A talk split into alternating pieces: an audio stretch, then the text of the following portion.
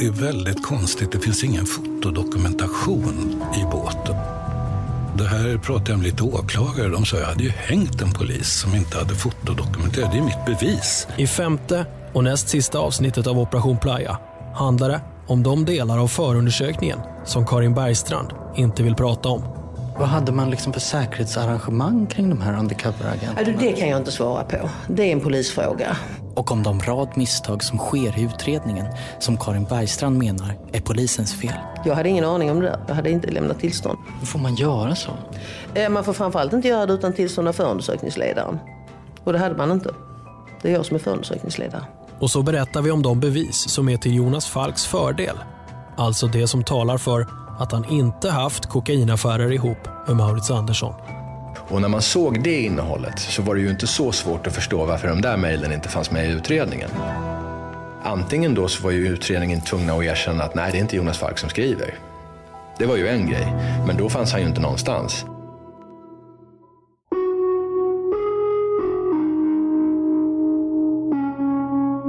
Du lyssnar på Spår om Operation Playa, avsnitt 5. Jag heter Martin Jonsson. Och jag heter Anton Berg. Så händer inget sedan 2009. Det blir helt tyst, stopp, tyst liksom. Den 19 juli 2009 ger Maurits Andersson upp. Det blir ingen leverans av kokain det här året. Ja, men jag var ju fruktansvärt förbannad i det, i det skedet. Alltså, taskigt väder, ute och väntar där. Och, och där står jag utan någonting. Med, rumpan bar. Men nästa år, 2010, kommer Maurits Andersson att försöka igen. Han har som han menar lovat. Och en person som Maurits Andersson, han håller vad han lovar. Jag står ju vid mitt löfte då. Det var ju det som var det viktigaste. Har jag lovat någonting så är det fruktansvärt viktigt för mig att, att jag håller vad jag lovar. Att, för att det ska inte besulas på något sätt.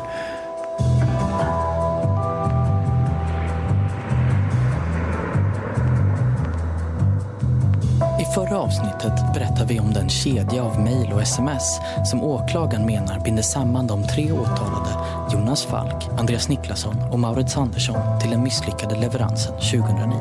Och sen fem minuter senare efter det här eh, från Pol Pot så skickar Andreas Niklasson ett sms till Jonas Falk och säger Elvis har släppt the building och tjejerna har hört av sig på 12 timmar. Åker hem idag, åter i augusti. Och så får man ett sms. Elvis have left the building. Min uppfattning är att det här är Tom. Maurits säger så här, Elvis har släppt the building. Så här, minuterna efteråt så kontaktar du Jonas. Ja, det är inte minuter efteråt till att börja med. Den här... En kort tid efteråt. Ja, det är en kort tid där efteråt, absolut. Men du måste väl ändå förstå liksom att det låter ju lite otroligt. Nej, jag tycker inte att det gör det. Enligt åklagaren Karin Bergstrand är alltså Jonas Falk huvudman, Andreas Niklasson är koordinator och Maurits Andersson är kuriren. Och trots att leveransen misslyckades fortsätter samtalen i kodspråk. Enligt åklagaren Karin Bergstrand utvärderar man vad som gick fel. Den 13 juli 2009 ringer Jonas Falk till Maurits Andersson. Och så säger Jonas i det samtalet, jag har inte hört någonting om vad som är orsak och skäl och så vidare. Men jag har kontaktat ett företag som är betydligt bättre. Och det tolkar vi som att han talar om den uteblivna leveransen och att han har en ny, ny kontakt som han menar är bättre inför nästa. Det är så vi tolkar det. Anton Berg läser för kuriren Maurits Andersson i besöksrummet i Kumla ur samma samtal. Så säger du då, men det måste ju varit något rikt, något, rikt- något vaj, något vajsing alltså. Det är det, ja, de, de körde någon egen variant eller vad fan är det frågan om?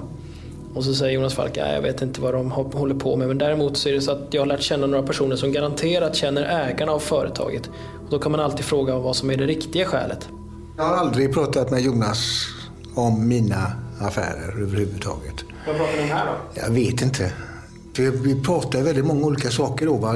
Ofta var det väl att han frågade mig om, om råd eller 99, 90 procent är ju båtar. Och Martin, som besöker Jonas Falk i en hotellobby i Barcelona, frågar honom om vad det var han och Maurits Andersson pratade om. Du pratade aldrig med Maurits om kokain? Nej, det finns, det finns inte ett mejl, det finns inte ett telefonsamtal om narkotika överhuvudtaget. Men visste du vad Maurits höll på med? Jag visste naturligtvis ifrån hans eh, tid som eh, flyktingsmugglare att han höll på och smugglade saker. Men jag visste ju inte vad han, exakt vad han höll på med hela tiden. Och Visst, det kan låta som att, att många telefonsamtal låter konstiga. En förklaring är, jag vill inte säga var jag är. Jag vill inte säga vad jag gör. Jag vill ju definitivt inte säga i telefon att vi ska investera i en båt som kostar mycket pengar. Men det innebär ju inte att jag, att jag pratar i koder för att dölja ett brott. Enligt Jonas Falk finns det alltså inte ett enda samtal som handlar om kokain. Och lika lite säger han sig veta om vad Maurits Andersson håller på med när han försöker få en leverans av kokain 2009. I det här avsnittet så ska vi lyfta fram det som pekar på att Jonas Falk har rätt och åklagaren fel.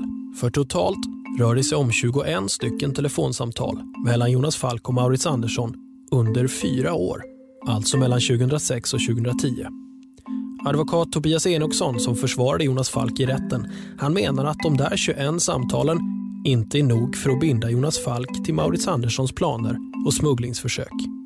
Man vet ju att Maurits Andersson och Jonas Falk har ju, har ju kontakter med varandra. Så att det finns ett antal telefonsamtal mellan dem. Men det är egentligen det som, det är den kopplingen som finns. Liksom.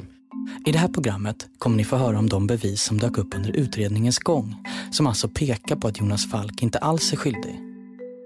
Tobias Enoksson menar att det ni nu ska få höra visar att polisen låst sig fast vid Jonas Falk långt före bevisen pekade dit. Brottslingen kom före brottet. Kort och gott, man skulle sätta dit Jonas Falk till varje pris. Man hade Jonas Falk, han skulle nitas liksom.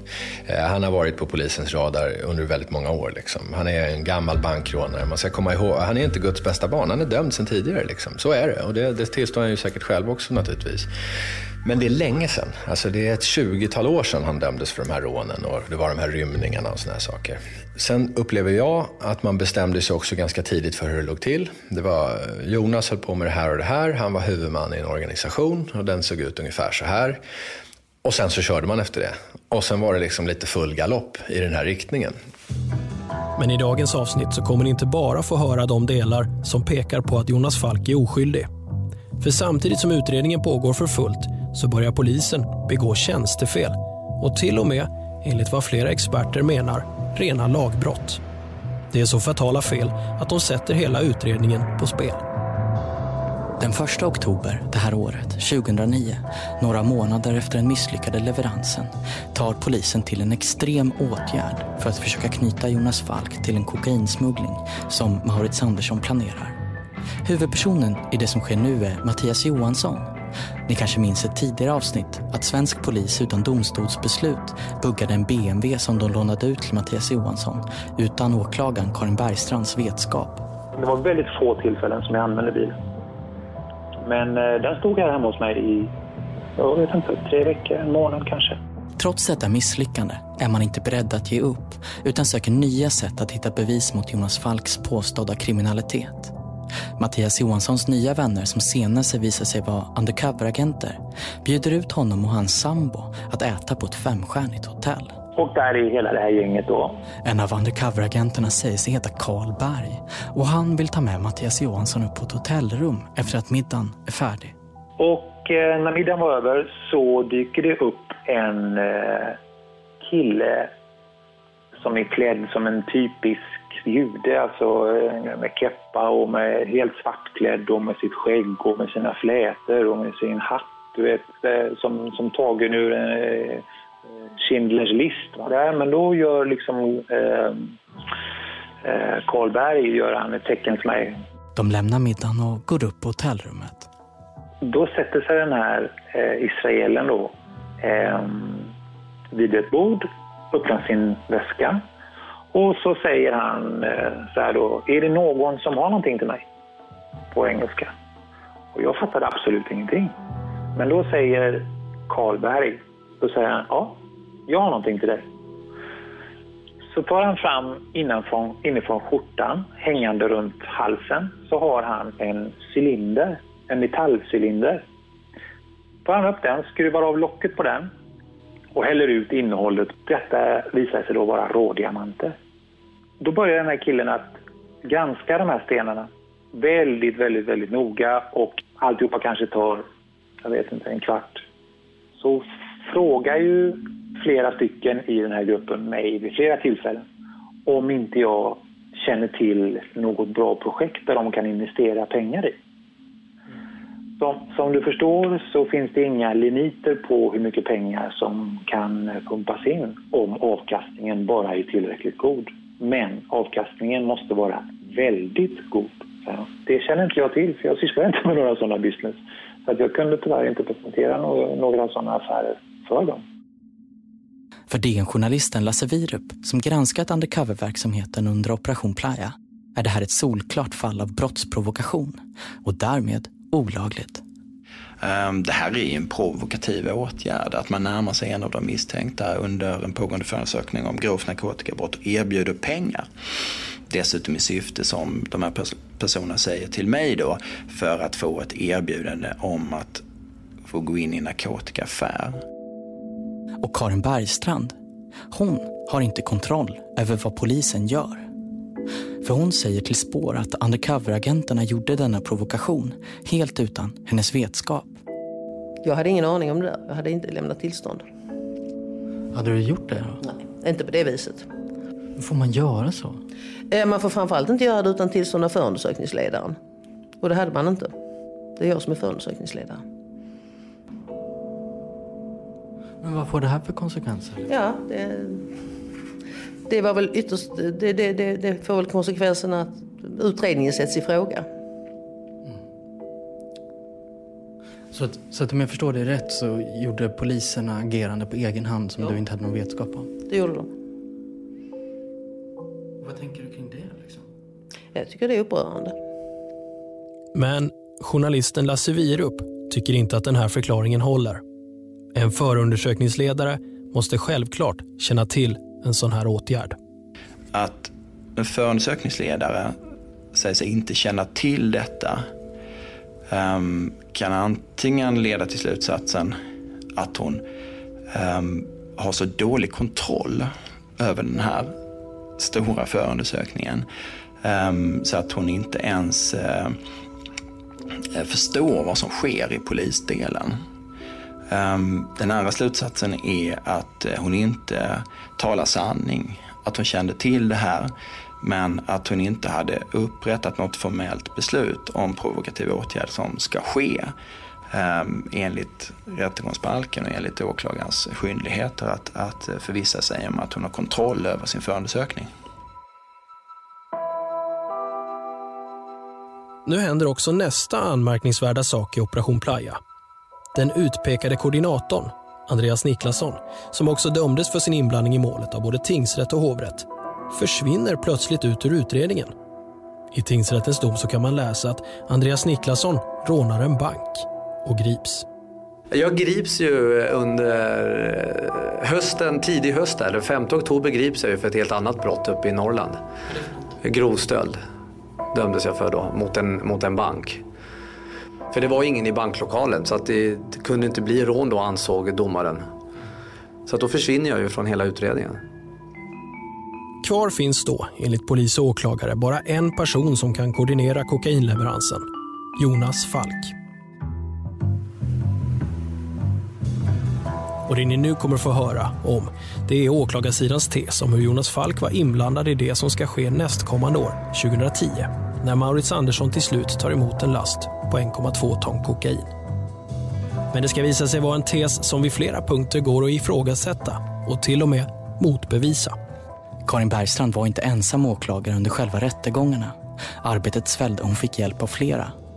En av dem som arbetade tillsammans med Karin Bergstrand är Mårten Hallberg. Jag träffar honom efter intervjuerna med Karin Bergstrand för att få klarhet i vad åklagarsidan ansåg hände sen efter 2009. Maurits Andersson lyckades ju ta emot en leverans av kokain 2010. Men vad har egentligen Jonas Falk med detta att göra?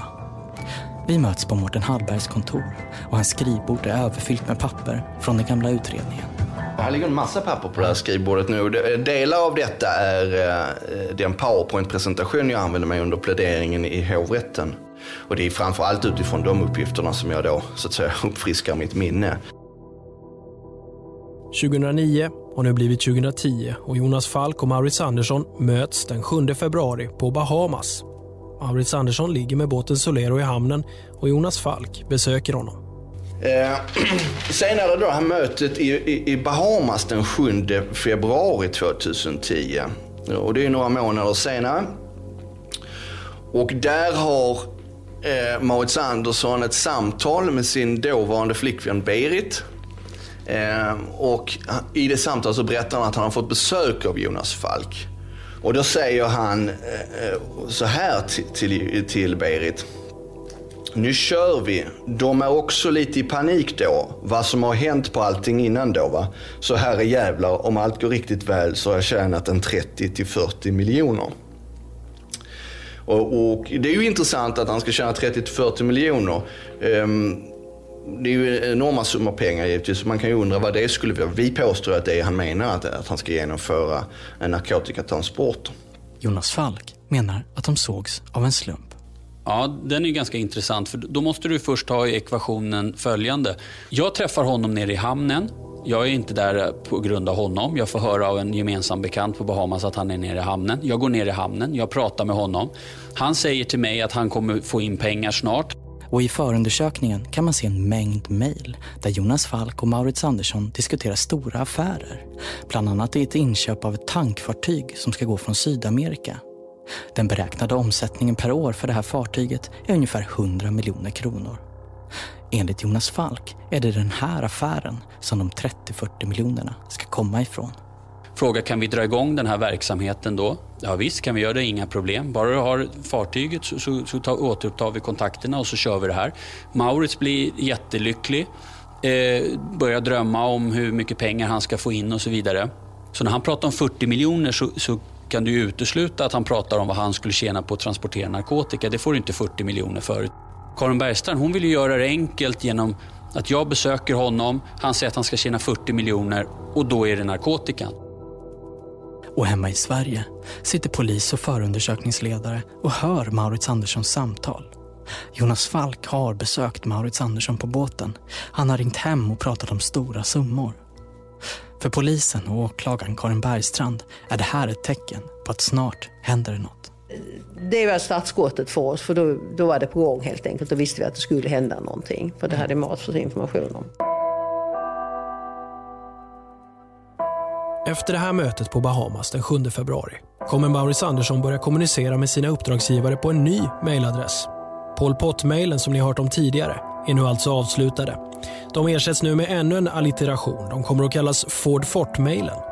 Maurice Andersson och hans uppdragsgivare har ett system för att kommunicera som de tror är helt säkert. De skriver till varandra genom att logga in på samma mejlkonto och skriva utkast till varandra. Utkast som sen raderas. Alltså inga mejl skickas, man sparar bara ner drafts som nästa person läser, raderar och skriver om. På det här sättet så tror man att alla spår försvinner. Vi hör åklagare Mårten Hallberg igen. Under den mejladressen så kommunicerar man så att säga i drafts. Eh, och Maurits Andersson har själv bekräftat att, eh, att den adressen, eh, på den adressen så har han kontakt med sina uppdragsgivare inför det som ska ske 2010. Maurits Andersson menar att det här med att skriva i utkast var en flera år gammal och vedertagen metod. Du går in och gör ett eh, bättre utkast och så sparar du utkastet. Då, Alltså från 2007 kan man säga och för hela vägen så utvecklas det mer och mer. Jag har ett ja, fem, tiotal olika mejl och på grund av att det, det, ja, det är allmänt vedertaget att man snackar inte i telefon. Men vilka skriver då, förutom Maurits Andersson, i Ford Fort-utkasten? En av personerna är, är, utan tvekan Maurits Andersson i alla lägen, det kan vi utgå från. Eh, och dessutom så är det så att, att kommunikationen med, sker med någon som Maurits Andersson känner. Eh, och någon som känner Maurits Andersson väl. Det vet vi för att där är bland annat hänvisning till då till Berit och vad hon gör och vad hon gör. Och det vet uppenbarligen motparten som han diskuterar med eh, om. Och vi påstår att det är Jonas Falk. För åklagarsidan så är det av oerhörd vikt att det är just Jonas Falk som skriver. För det är på så vis som han binds till kokainsmugglingen som ska ske om några månader. Där är ju också eh, en, en, en hänvisning i, i de mejlen till den första möjliga avresedatum och också hänvisning till, till möjliga koordinater för upphämtning. Åklagare och polis har lyckats spåra var själva utkasten skrevs.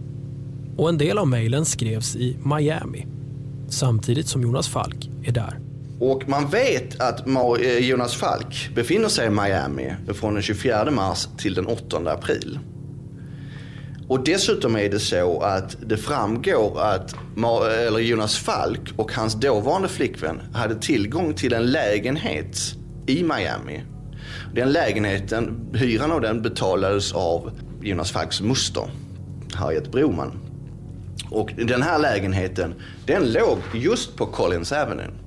Alltså samma gata i Miami Beach som den här uppkopplingen sker på. Dock inte exakt samma ställe utan jag tror det är lite längre ner på gatan. Så här förklarar Jonas Falk. Ja, alltså den här, de här mejlen som jag kommer ihåg det nu, så har de IP-adresser som är på South Beach, där alla i Miami håller till.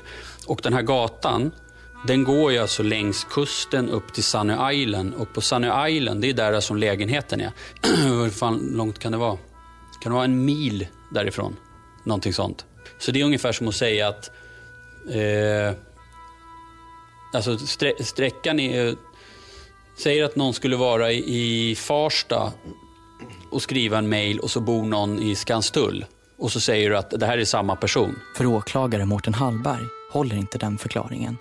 Det är för många omständigheter som talar emot det som Jonas Falk berättat. En svensktalande person i Florida som känner Maurits Andersson. Som kopplar upp från samma gata där han har tillgång till en eh, lägenhet. Eh, omständigheterna talar inte för att det är många andra personer än Jonas Falk som har fört den här konversationen med Maurits Andersson över Ford 41. Planeringen av kokainsmugglingen sker alltså genom utkast som ska omöjliggöra att någon utanför kretsen av inblandade kan få vetskap om vad som ska ske. Men samtidigt som Maurits Andersson diskuterar eventuella koordinater för den kommande leveransen av kokain så har han besök ombord på sin båt Solero. Det är hans flickvän Berit och två undercover-agenter från Sverige.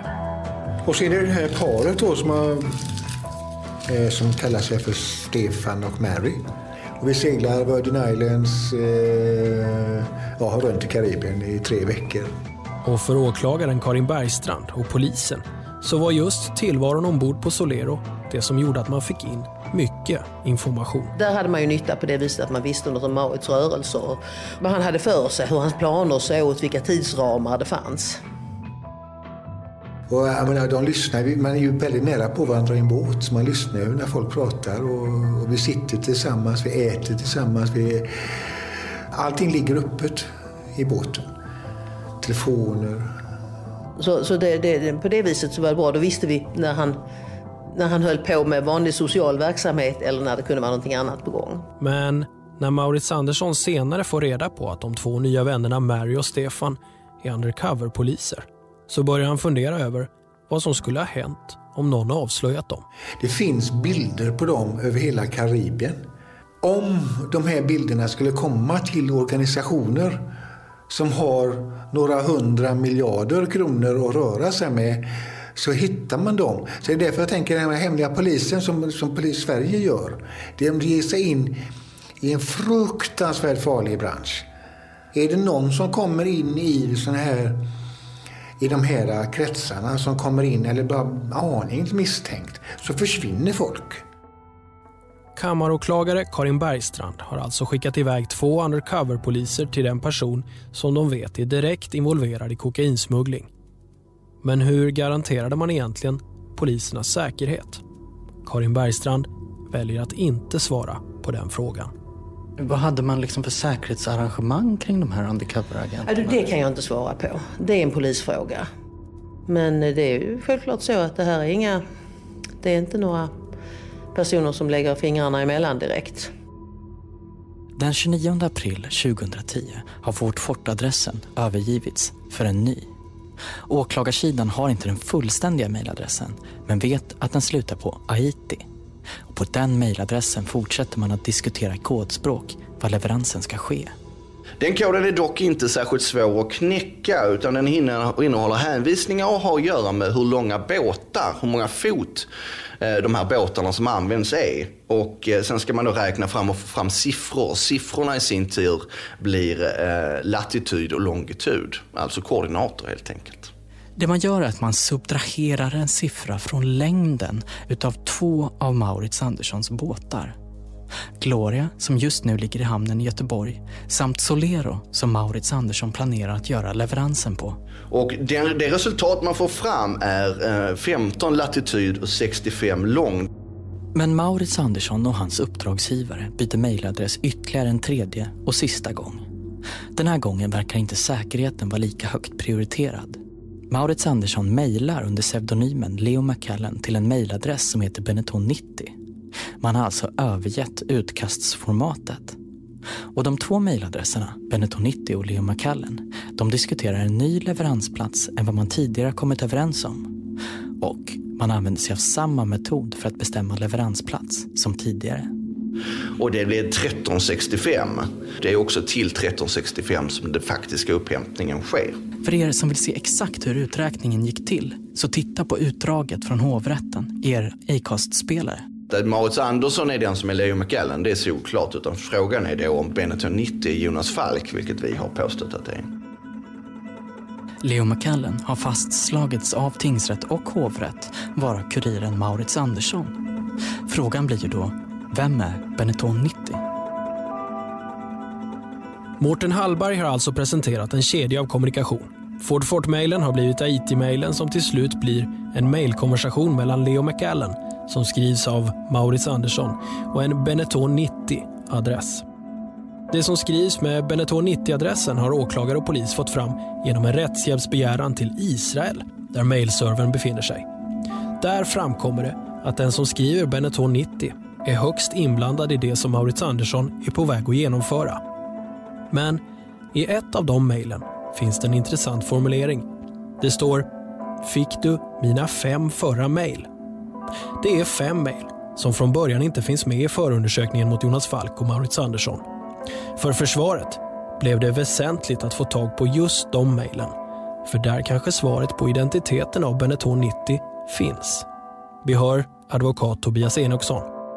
Och det där var ju så att säga förödande bevisning för Jonas Falk om man kunde visa att det var han som var skribenten på det där. Eh, för att den personen som skrev på Benetton 90, han gav eh, koordinaterna till Leon Kallam, vart han skulle befinna sig med segelbåten, när etc. Så den personen som skrev på den adressen tycktes vara eh, synnerligen involverad eller till och med en huvudman.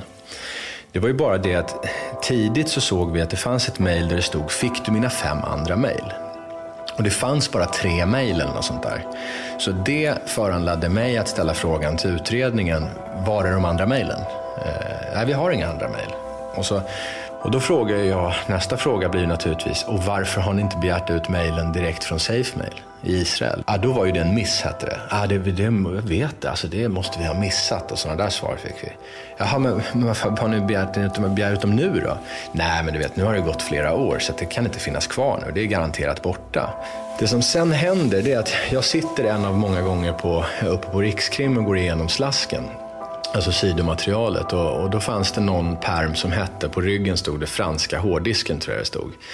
Och då finns det någon sida i mitten på den där permen som bara var massa liksom, typ ettor och nollor om jag säger så. Det var massa datatecken liksom.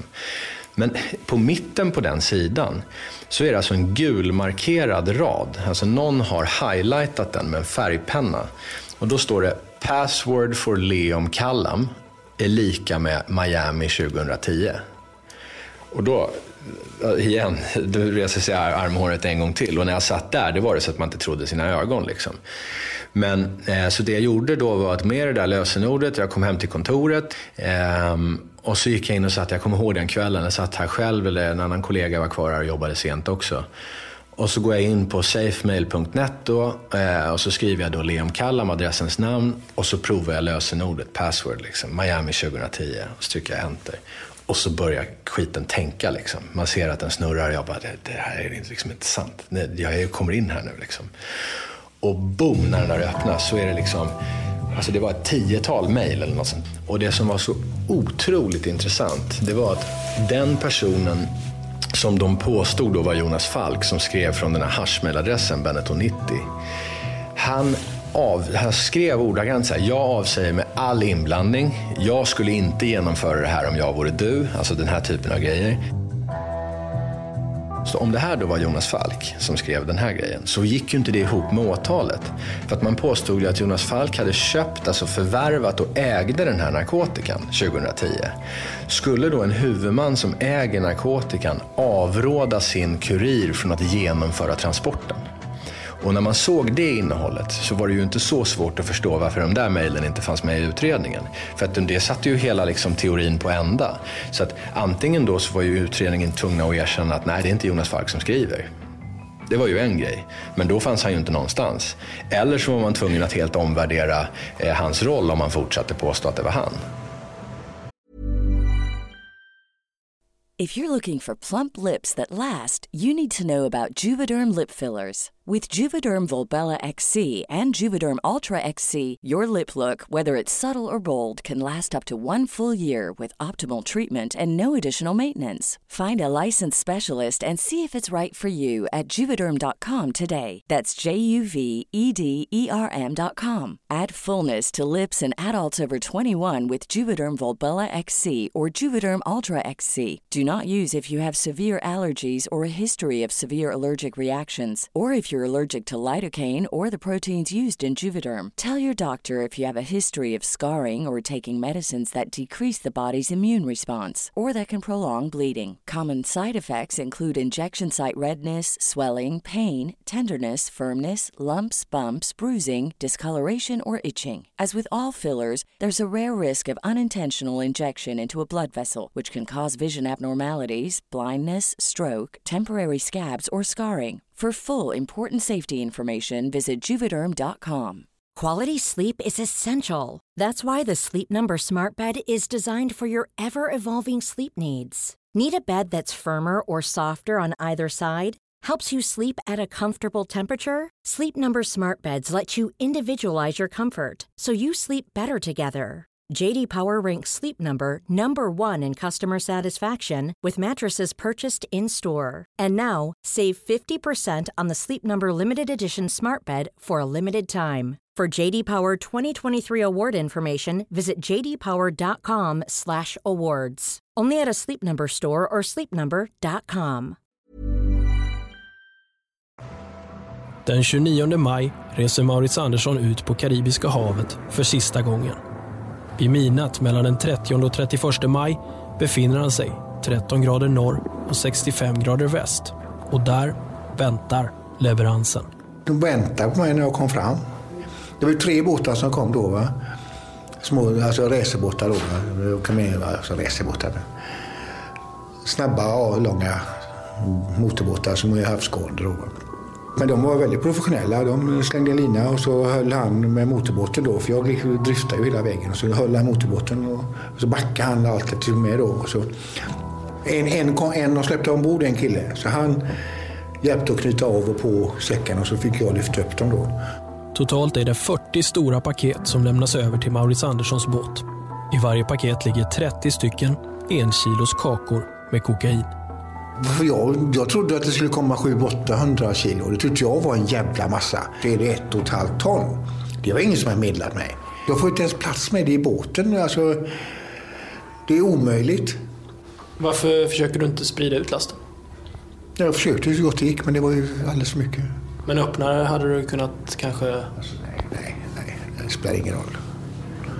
Det, alltså, det var så ofantligt mycket så jag, jag la det bara på, på slavfallan och så slängde täck över. Och det stod ju fortfarande sju eller åtta stycken sådana här 30 kilos då, mittgången.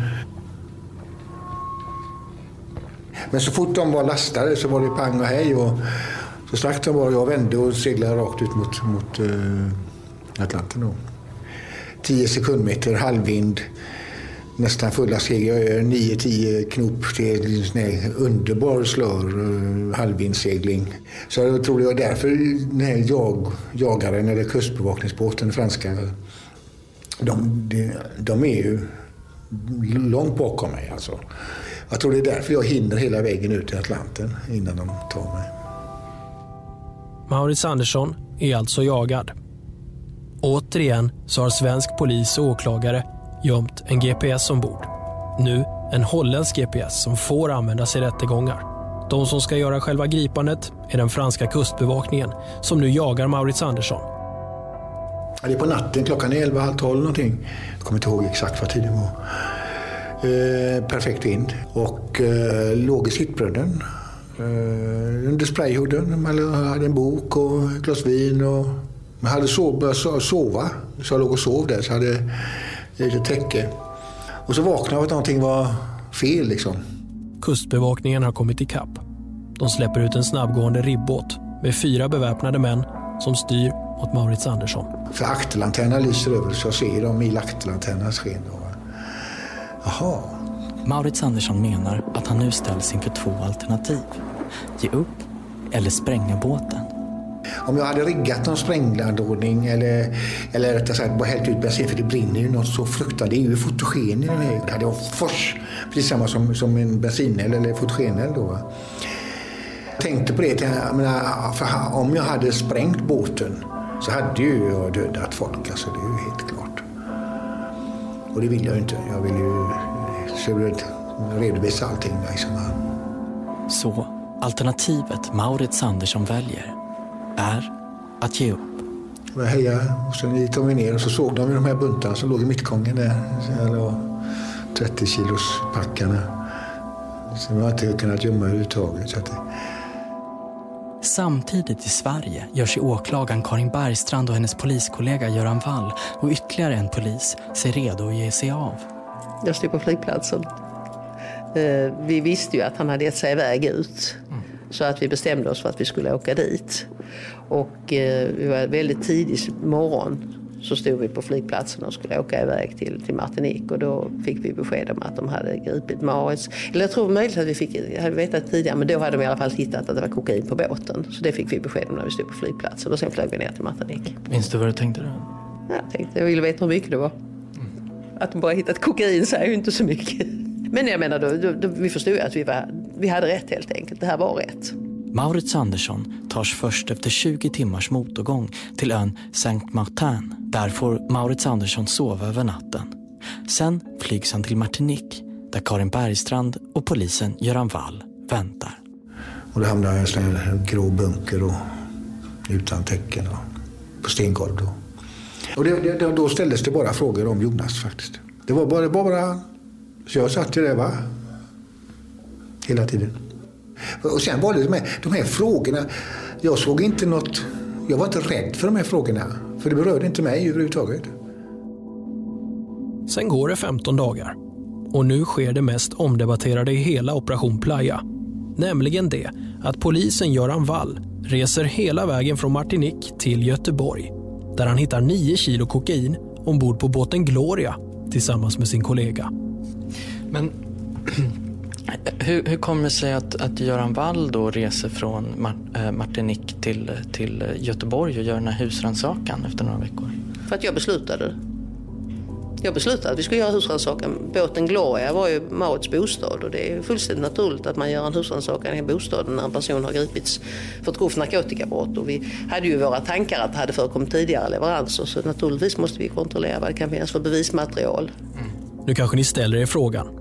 Om den nu ansvariga polisutredaren Göran Wall befinner sig på andra sidan jorden, varför ska just han åka?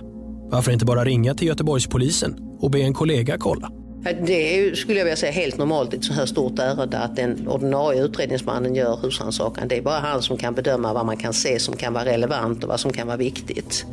Det är ju han som har kännedom om materialet och kan, kan dra slutsatser om man hittar till exempel papperslappar eller telefonnummer eller sådana saker. Det är bara han som kan bedöma om det är någonting som är viktigt som man ska ta i beslag. Göran Wall ringde mig på kvällen eh, när han hade kommit ner och börjat rota i båten och ringde glädjestrålande och berättade att han hade hittat, de hade hittat det här partiet kokain.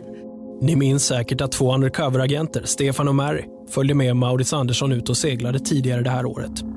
Inte nog med att de följde med och seglade. De hade också hyrt båten Gloria som låg i Göteborg och bott ombord på den i olika perioder 2009 och 2010. När Maurice Andersson sen får reda på det här beslaget så tror han därför att knarket är något som tillhört Stefan och Mary. Han menar också att han aldrig trodde att det rörde sig om kokain. Och då, då trodde jag att det var de som hyrde båten som hade den. För de, de gav sig ut för lastbilschaufför och som, jag kommer inte ihåg vad de var mer.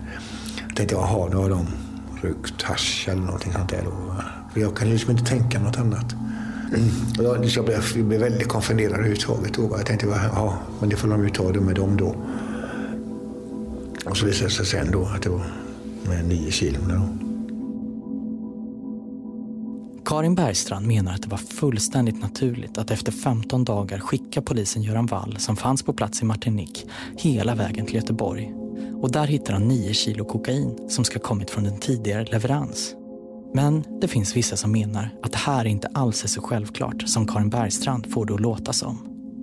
En av dem är kolumnisten Oisin Kantfel vid Aftonbladet. Om vi ska prata om skandaler i det här målet så är nog det här det absolut värsta. Eh, det här knarket har aldrig funnits på båten. Det bara är så. Enligt Oisin Kantvel så har kokainet placerats på båten. Om det stämmer har svensk polis brutit mot lagen och begått ett grovt tjänstefel.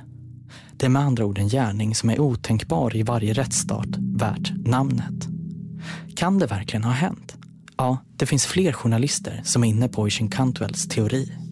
Överhuvudtaget tänka tanken fabricerat bevisa svensk polis, det tar sin tid så att säga. Det ska mycket till.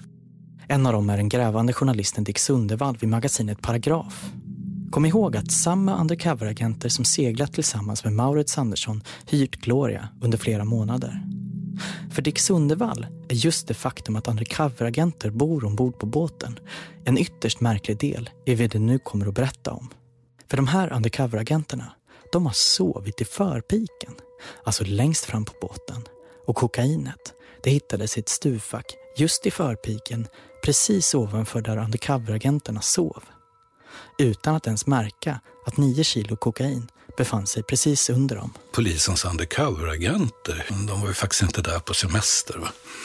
Det, det är klart de gick igenom båten. Och alla som har fritidsbåtar, segelbåtar, motorbåtar vet att just de här luckorna i fören under kojen det är det man använder väldigt mycket till sängkläder och olika saker. Det är väldigt bra utrymmen och stuva och man har flytvästar och en det ena än det andra där. Och där har det alltså legat öppet.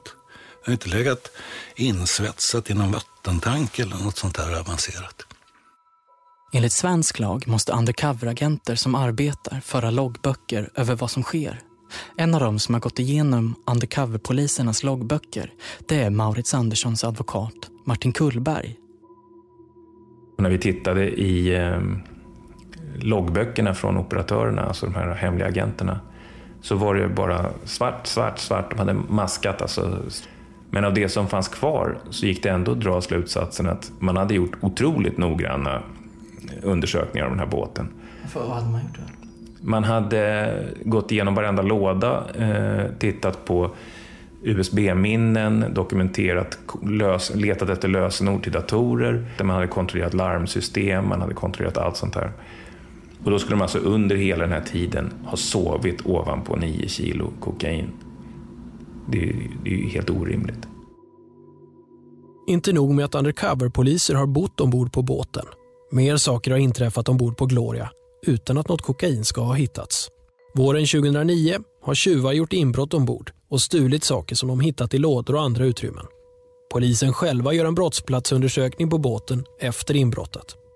Hösten 2009 gör polisen Göran Wall, alltså samma polis som senare hittar de nio kilorna, en hemlig husrannsakan i båten. Och våren 2010 städar Maurits Andersson själv ut båten under flera dagar och tömmer den. Och aldrig under någon av dessa tillfällen hittas kokain.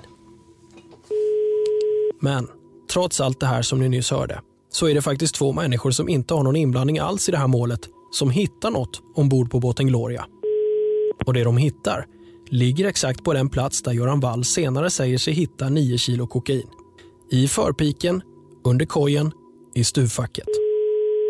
Två hantverkare var under våren 2009 ombord på båten och arbetade. En av dem talar med spår i löfte om anonymitet. Vad var det du gjorde på, på båten? Uh, värmeanläggning. Hantverkaren har alltså installerat en värmeanläggning ombord på Gloria. Såg du no no någonting som var liksom misstänkt eller något sånt? Ja. Vad var det? ja, jag vet inte. Det var inpackat. Vad var det för paket då? Ja, det var små paket där med massor av silvertejp runt om. Hur, hur stora då? Små? När du säger små, vad, vad betyder det? Ja, som uh, storleket av en uh, 50-lapp ungefär och uh, 3-4 centimeter tjocka. Vet inte, 300-400 gram kanske. Och var hittade du det någonstans? I, uh, under sängen i körkabin. Enligt hantverkaren fanns det någonting i stuvfacket i förpiken. Det hade ytstorleken av en 50-lapp och enligt hantverkaren vägde det cirka 300-400 gram invirat i silvertejp. Men var är kokain? De här hantverkarna hördes sen i rätten och berättade vad de såg. Om det nu skulle varit kokain skulle saken vara avgjord. Men det visade sig vara skillnad på förpackning och förpackning. Maurits Anderssons advokat Martin Kullberg berättar. När man kommer till rättegången, eh, då hade åklagarna tagit med sig förpackningsmaterial som de påstod komma från de här kokainpaketen, men inte de riktiga kokainpaketen. Så frågade de vittnena, det här förpackningsmaterialet, såg de ut så här ungefär? Ja, säger vittnena, det gjorde de. Men jag var beredd på det där, så jag hade preparerat egna paket. Ett som var lika stort som kokainet, som vägde ett kilo exakt, och ett som var lika stort som ungefär som de här kexchokladpaketen som hantverkaren beskrivit. Så tog jag fram dem i rättegången och så fick vittnena känna och titta på de här paketen och säga vilket var mest likt. Och, och kexchokladpaketen sa man, det här är, det här är snarlikt. När de fick se kokainpaketen så sa nej, så där stora var de inte. Och det de beskrev, det var rätt uppenbart. Det, var, det måste ha varit packade sedelbuntar. Va? Eh, som man har förslutit för att de inte ska bli blöta. Men kammaråklagaren Karin Bergstrand står fast i vad som hände. Det, det är ju konspirationsteorier och fria fantasier. Eh, jag menar, kokainet har ju lämnats ner till kriminaltekniska laboratoriet och analyserats. Och det har, eh, vi, har ju, vi har ju visat upp förpackningsmaterialet i rätten. Kokainet ska alltså ha kommit till labbet. Det är ett obestridligt faktum. Men det ska visa sig finnas märkliga omständigheter även här. Men eh, det finns vissa advokater som har hävdat att jag, eh, Martin Kullberg har hävdat att jag har burit hem narkotikan från Martinique alldeles själv. Hur tänker du kring det? Det ja, vad ska jag säga? Bara dumheter. Advokat Martin Kullberg förklarar sitt påstående. Ja, de påstår att det har funnits på labbet. Eh, samtidigt, jag ringde runt till, till NFC eh, därför att man måste lämna prover. Eh, det finns olika metoder som gör att det går inte att föra in eh, stora mängder kokain utomlands ifrån till Sverige, även som polis, utan att man måste liksom deklarera det så att säga och, eh, och lämna spår efter sig. Så jag letade efter de här spåren men kunde inte hitta någonting. Och så fort jag började ringa dit så blev jag uppringd av utredarna i Playa som ifrågasatte vad jag höll på med. Varför jag rotade i de här frågorna. Men var ska det där 10 eller 9 kilona kommit ifrån då? Eh, åklagarnas hypotes var att de kom från en, en tidigare smuggling eh, och att man skulle alltså eh, ha kört en större mängd kokain till Sverige och så skulle man ha glömt 9 kilo kvar på segelbåten. Och då ska vi komma ihåg att alltså, knarkbranschen är en bransch där man handlar i gram och inte i kilo.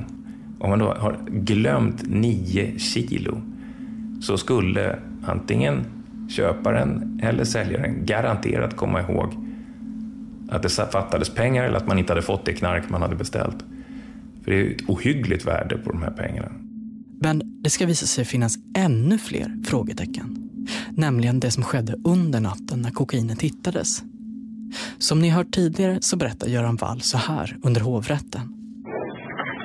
När vi hittade så frös läget. I frösläget. Vi kan inte ha nio kilo kokain på en båt i Göteborgs hamn på Lilla Bommen stående över natten. Göran Wall, han säger sig alltså varit där med sin kollega. Men det finns inga bilder som visar beslaget på båten. Alltså inget som kan visa vad de hittat och hur de hittade det. Det är väldigt konstigt. Det finns ingen fotodokumentation i båten. Alltså det här pratade jag med lite åklagare. De sa att jag hade ju hängt en polis som inte hade fotodokumenterat. Det är mitt bevis. Att här är det i din bostad eller kontor eller bil i det här på båt och det fotograferas i flera vinklar. Och det finns ingenting. Och sen nästa steg är att man lägger upp det så man ser hela beslaget och så fotograferar man det igen. Inga bilder.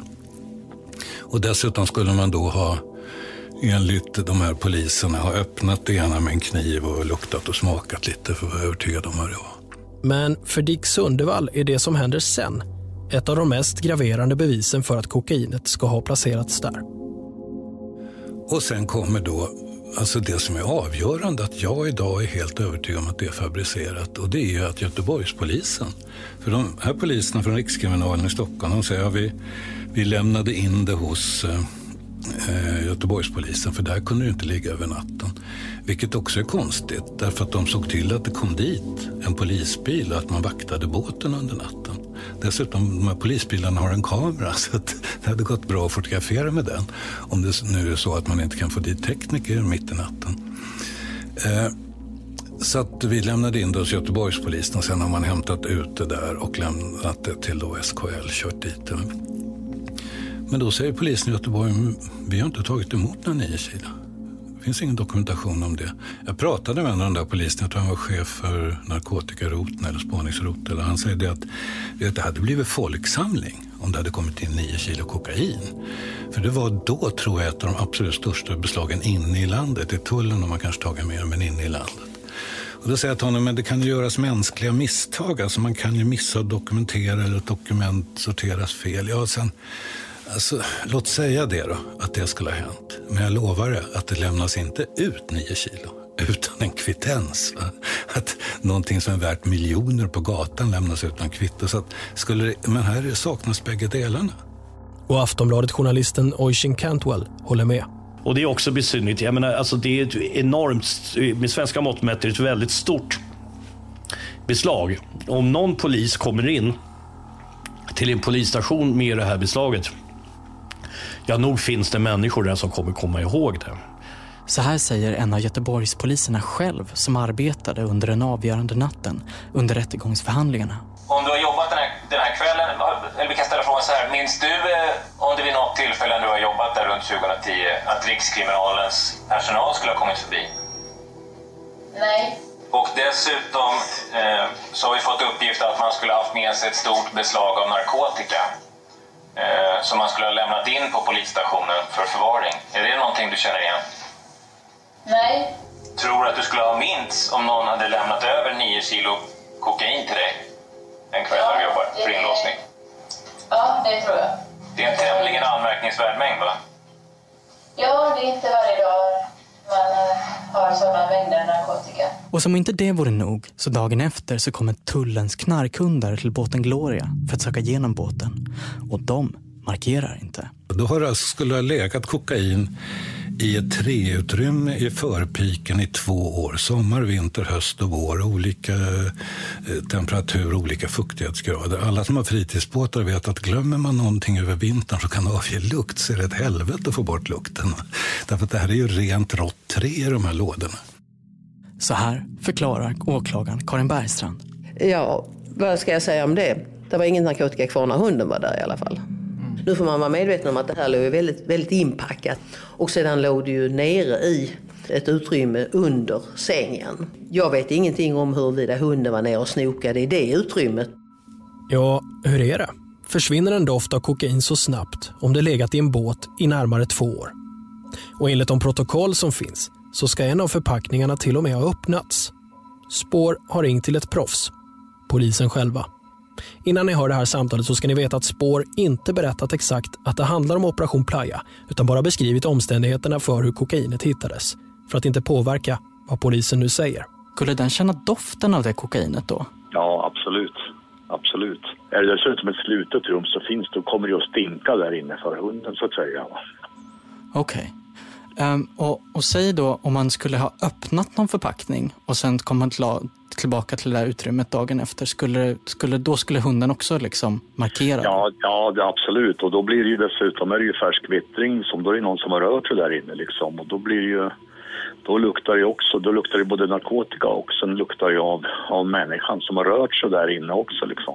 Det är ju många som försöker att lura hundarna genom att löm, eh, gömma narkotiska preparat exempelvis då i, i kaffe eller någonting annat så. Men alltså hunden är ju tränad på att söka efter den här doften så att den sorterar ju bort då kaffelukten så att säga. Mycket talar alltså för att polisen placerat bevis ombord på Gloria. Under all denna tid ska ingen ha upptäckt kokainet trots att till och med undercover-agenter bott på båten och gått igenom den grundligt. Det finns ingen fotobevis på beslaget och inga poliser i Göteborg minns att man har tagit emot kokainet. Och inte heller finns beslagsprotokoll eller kvitto på att kokainet ska ha lämnats in eller ut. Dagen efter har kokainhundar inte markerat trots att polisen själva säger att det borde stinka av kokain ombord på båten. Så om nu kokainet var placerat, varför skulle man då ta till sig allt detta omak? Aftonbladets kolumnist Oisin Cantwell förklarar. Eh, så det här förefaller ju vara planterat. Och var, vad skulle då svensk polis ha för eh, nytta av att plane, plantera eh, det här knarket i båten? Jo, det var ett sätt att få hela utredningen till Sverige. Eh, det hade nog varit svårt att få den här utredningen till Sverige för det fanns ju ingen svensk koppling bortsett då från att det handlade om svenska medborgare. Men svensk polis ville ha det här till Sverige för eh, det, ingick i något större där de ville sätta dit även den här utpekade eh, ligaledaren.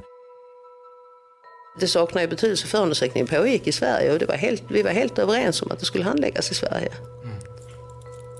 Hur, hur tycker... Så det hade ingen, hade ingen betydelse att man hittade kokainet. Det var naturligtvis väldigt intressant men det hade ingen betydelse ur Forums synpunkt. Även fast kammaråklagaren Karin Bergstrand avfärdar allt detta som ren spekulation kan hon idag se att det begicks en rad fel. Det måste jag säga, det är faktiskt ett allvarligt misstag att man inte har dokumenterat eh, beslaget av de nio kilona kokain på Gloria medan de låg på plats. Eh, man borde ha gjort en teknisk undersökning, vilket jag sa till om, och man borde ha fotograferat. Sen är det också allvarligt, eller väldigt anmärkningsvärt, att det inte har skrivits något beslagsprotokoll direkt. Eh, man har ju lämnat in det här partiet på polisstationen i Göteborg, men man har inte skrivit beslagsprotokoll och man har heller inte begärt att få något kvitto. Det har inte dokumenterats på något sätt och det har varit ett stort problem i målet. Vad fick det för konsekvenser för dig? Ja, dels så blev det ju en ganska otrevlig situation att, att det inte har skötts riktigt enligt reglerna. Men dels så tror jag att hovrätten påverkades av det på så sätt att de inte med säkerhet kunde säga, ville säga var det här beslaget kom ifrån. Spår har pratat med Hans Knutsson Öj, som var den högst ansvarig polisutredare fram till att ensamseglaren Maurits Andersson greps. Knutsson Öj menar att man från polisens sida väljer att inte uttala sig om Operation Playa, utan att ange skäl. Genom Hans Knutsson Öj har Spår varit i kontakt med Göran Wall, men inte heller Wall vill ge någon intervju. Spår har också varit i kontakt med de franska förundersökningsledare och domare som hade hand om ärendet på Martinique. Men de har avböjt att bli intervjuade. I nästa avsnitt av Spår. Och sen så säger de det från polisen och tänker att det där stämmer inte. Så jag backar. Ehm, och de efter och sen tar de upp en polisbricka och säger att de är från polisen. Jag tror de fortfarande inte. Sen kommer det in eh, två killar till och det tog lång tid innan jag förstod att det verkligen stämde. De åtalade grips och nu väntar extremt långa häktningstider för de inblandade. Så du kan ju prova att gå in på toaletten och så föreställer du att du ska vara där eh, tre, fyra timmar. Och sen när du har vant dig vid den känslan så kan du föreställa dig att du ska vara där en vecka och sen kan du fortsätta till ett halvår, ett år och sen fyra år nästan. Så man är inlåst på en toalett i fyra år. Och rättegångarna sätter igång. Och de präglas av en ovanlig hetsk ton. Hela åtalet som ni håller på här att försaluföra till tingsrätten är ju de facto på det sättet att ni snurrar upp det runt ett nav kring tillgångar till pengar. Annars är ni totalt utan bevisning. Sen att ni sitter så att säga med brallorna neddragna därför att ni inte har någonting annat, det är ju en, det är ju en annan femma. Ja, värderingarna kanske vi kan eh, spara. Ja, de vi får väl se vem som har byxorna neddragna till slut. På Spårs hemsida hittar ni mer information. www.sparpodcast.com Här kan man se bilder på personer, platser som är viktiga i historien, de är utmärkta på en karta. Kort sagt, det här är en hemsida som gör att det är enklare att hänga med i Operation Playa. Här kan ni också kontakta oss som gör programmet om ni vill fråga eller tipsa oss. Vi finns också på sociala medier under hashtaggen Operation Playa. Spår görs av produktionsbolagen Ljudbang och A1 i samarbete med Acast. Researcher är Lisa Domelin, tekniker är Johanna Prins, projektledare är Vian Jalal och exekutiv producent är Carl Rosander. Och musiken ni hörde gjordes av Underton och Miguel Sida. Hi, I'm Daniel, founder of Pretty Litter. Did you know cats tend to hide symptoms of sickness and pain? I learned this the hard way after losing my cat, Gingy. So I created Pretty Litter, a health monitoring litter that helps detect early signs of illness by changing colors, saving you money and potentially your cat's life. Pretty Litter is veterinarian developed, and it's the easiest way to keep tabs on your fur baby's health right at home. Go to prettylitter.com and use code ACAST for 20% off your first order and a free cat toy. Terms and conditions apply. See site for details.